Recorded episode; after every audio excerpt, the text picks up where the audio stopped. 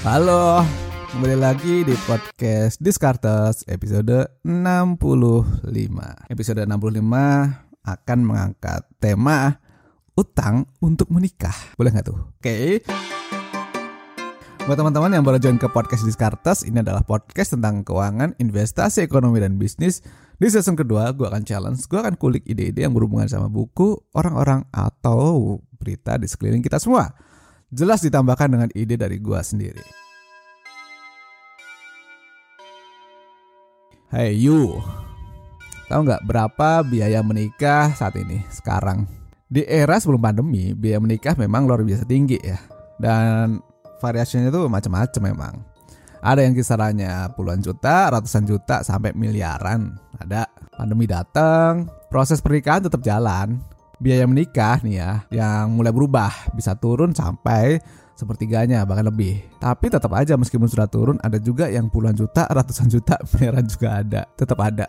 Karena masing-masing keluarga, masing-masing orang memiliki preferensi yang berbeda-beda gitu. Jadi pas pandemi datang pun mereka ada yang membuat dalam konsep masih wow, masih keren, masih mewah. Tapi kita secara normal, ketika ada pemotongan biaya yang lumayan signifikan, berarti ada pengurangan misalnya tamu dikurangin yang kemudian berimbas pada makanan dan venue juga ikutan berkurang gitu kan. Namun ada juga biaya yang muncul.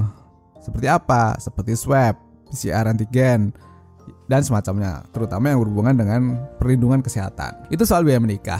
Kemudian soal setelah menikah nih, habis merit, tempat tinggalnya di mana nih? Sama mertua atau sendiri? Terus honeymoon, kalau sekarang saving sih karena susah ke mana-mana. Jadi honeymoon pun paling lokal Indonesia gitu kan jarang yang keluar negeri untuk masa pandemi sekarang. Terus ada potensi biaya lainnya kehamilan. Kebutuhannya banyak juga karena kesehatan harus dijaga ya kan. Bahkan ada yang karena sekarang pandemi harus beli mobil untuk menjaga kehamilannya. Gue bisa mengerti itu karena kekhawatiran muncul takutnya kena virus gitu kan. Jadi seperti yang sudah-sudah dibahas bahwa kebutuhan tidak berhenti ketika proses menikah dilaksanakan. Proses resepsi selesai, kebutuhan tetap jalan karena manusia tetap hidup, lifestyle tetap jalan, hasrat tetap ada.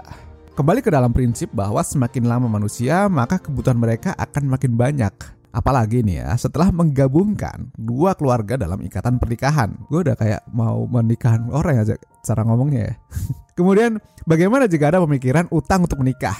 Ini kan poin yang jadi penting di episode kali ini.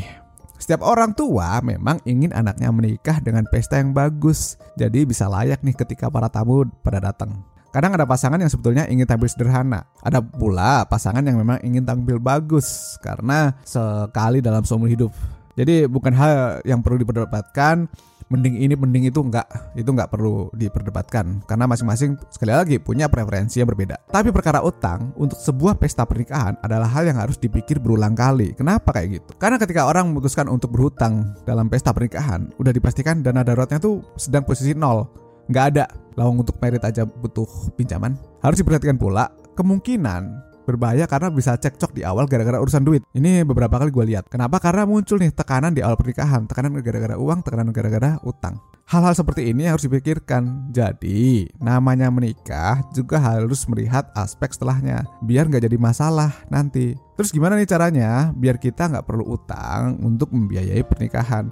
Sebetulnya nggak ada cara yang spesial, tapi beberapa akan gue remind ke kalian semua. Yang pertama jelas komunikasi antar pasangan ini pernah gue bahas di beberapa episode sebelumnya ya. Dilihat dari apa sih yang diinginkan setelah menikah. Lu berdua ketika kelar resepsi pernikahan, short term goalnya itu apa sih? Apakah mau beli rumah?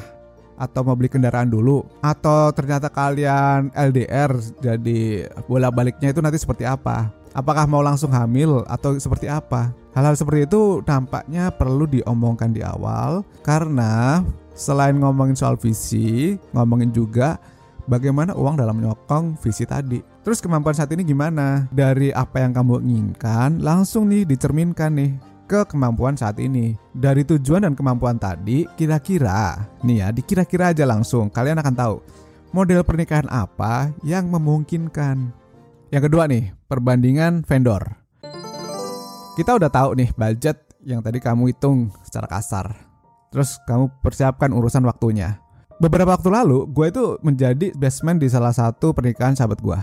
Yang gue cermatin ya, mereka itu butuh waktu panjang banget, persiapan panjang banget untuk prosesi pernikahan ini karena memang detail, orangnya tuh detail vendor dicek satu-satu terus ngeceknya pun kayak kayak kalau ada orang pengadaan di perusahaan gitu loh dibanding-bandingkan. Dan itu makan waktu lama banget.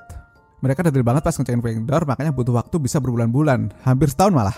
Dari situ memang waktunya panjang tapi dari sisi nominal mereka bisa saving dan sesuai dengan kemauan atau kualitas. Ini bisa jadi eh, referensi juga buat teman-teman kalau mencari vendor jangan langsung ambil satu tetapi dibandingkan.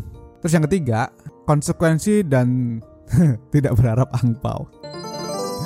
Ini yang tolong diingat ya. Hidup itu kan menurut gua kan sebab akibat ya. Keseimbangan penting biar tetap waras. Kalau mau sesuatu yang mewah, berarti income juga harus dikuatkan. Jadi bisa saja kita main dengan gameplay nih. Kalau untuk urusan konsekuensi, konsekuensi untuk perkawinan yang lebih bagus berarti pas dihitung di awal nggak nggak cukup. Kalian berdua harus nambah side job. Itu kan sebab akibatnya nih. Kalau tidak mau nambah berarti nggak perlu pernikahan yang luar biasa wow. Terus ini kalau gue ya, gue tuh ke klien ngingetin untuk tidak terlalu mengharapkan dari angpau ketika prosesi pernikahan. Ya meskipun banyak juga klien-klien gue yang pada akhirnya tetap cuan pas nikah. ya itu beruntung lah mereka. Tapi kalaupun ternyata tidak, ya nggak apa-apa. Makanya jangan menggunakan proyeksi yang positif untuk hal ini karena takutnya bias pas merencanakan prosesi pernikahan. Yang dipikirkan nanti gimana sih ketika udah dapat angpau mau diapain. Nah itu lebih baik dipikirkan, tapi bukan diharapkan gitu. Dipikirkan splittingnya nanti seperti apa. Toh menikah itu kan bukan buat cari angpau. Kalau mau cari duit mah ya bisnis. Itu dari gua, mudah-mudahan kalian semua yang sedang mau menikah bisa dilancarkan dari sisi biaya, dari sisi waktu, dari sisi